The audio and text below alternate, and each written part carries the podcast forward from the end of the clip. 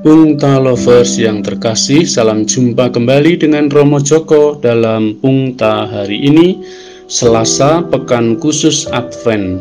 Diambil dari Injil Lukas bab 1 ayat 39 sampai 45. Renungan kita berjudul Salam Membawa Berkat. Sudah cukup lama ada penelitian bahwa musik klasik sangat membantu bagi ibu yang sedang hamil tidak saja memberikan ketenangan batin, namun ternyata musik klasik dapat merangsang kecerdasan otak bagi janin. Profesor Chung Hei Chen dari College of Nursing di Kaohsiung Medical University Taiwan mengadakan penelitian hubungan antara musik klasik dengan janin dalam kandungan. Ia menyebutkan bahwa terapi musik mampu menurunkan tingkat kecemasan, stres, hingga depresi saat menjalani kehamilan.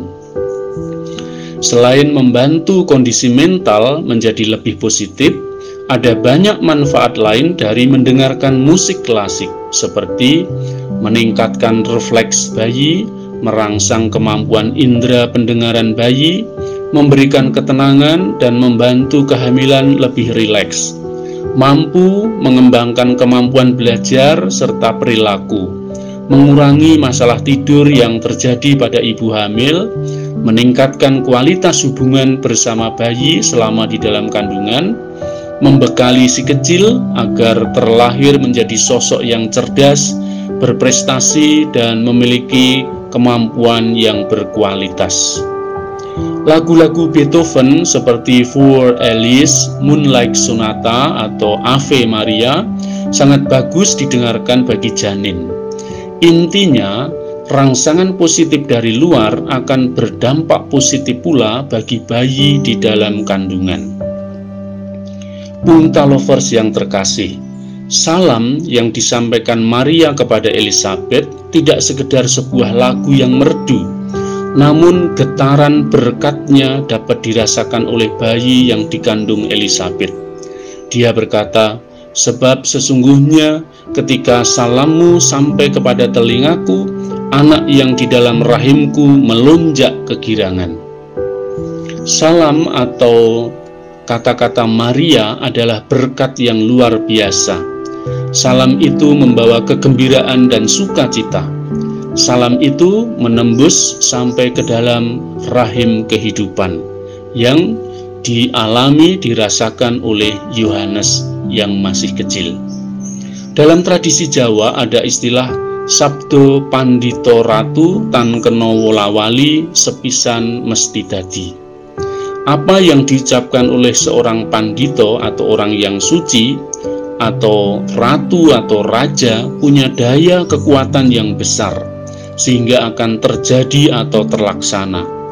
Ucapan itu seperti mantra yang akan terpenuhi. Ucapan Maria kepada Elizabeth mempunyai daya kekuatan besar yang juga dirasakan oleh Yohanes yang masih ada di dalam kandungan. Sekarang kita mewarisi doa Salam Maria. Doa itu jika diucapkan dengan sungguh-sungguh juga mempunyai kekuatan yang besar Peristiwa sapaan Maria kepada Elizabeth ini juga sering kita ucapkan. Mungkin kita tidak sadar melantunkannya, hanya sebatas rutinitas belaka. Maka ya kurang mempunyai daya. Kalau kita mendoakannya dengan sungguh-sungguh dan dihayati, dayanya seperti yang dialami Elizabeth dan janin dalam rahimnya itu maka pertanyaannya yang dapat kita renungkan adalah apakah doa salam Maria yang kita ucapkan itu sungguh-sungguh keluar dari hati yang tulus? Apakah sapaan salam kita juga keluar dari hati yang bersuka cita?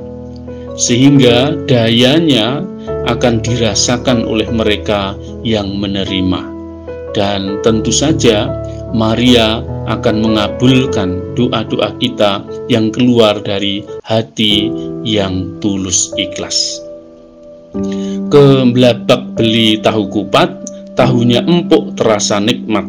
Salam Maria, penuh rahmat, sapaanmu membawa berkat. Sekian, sampai jumpa, salam sehat, jangan lupa selalu bersyukur dan berdoa kepada Bunda Maria. Amin. Berkah dalam.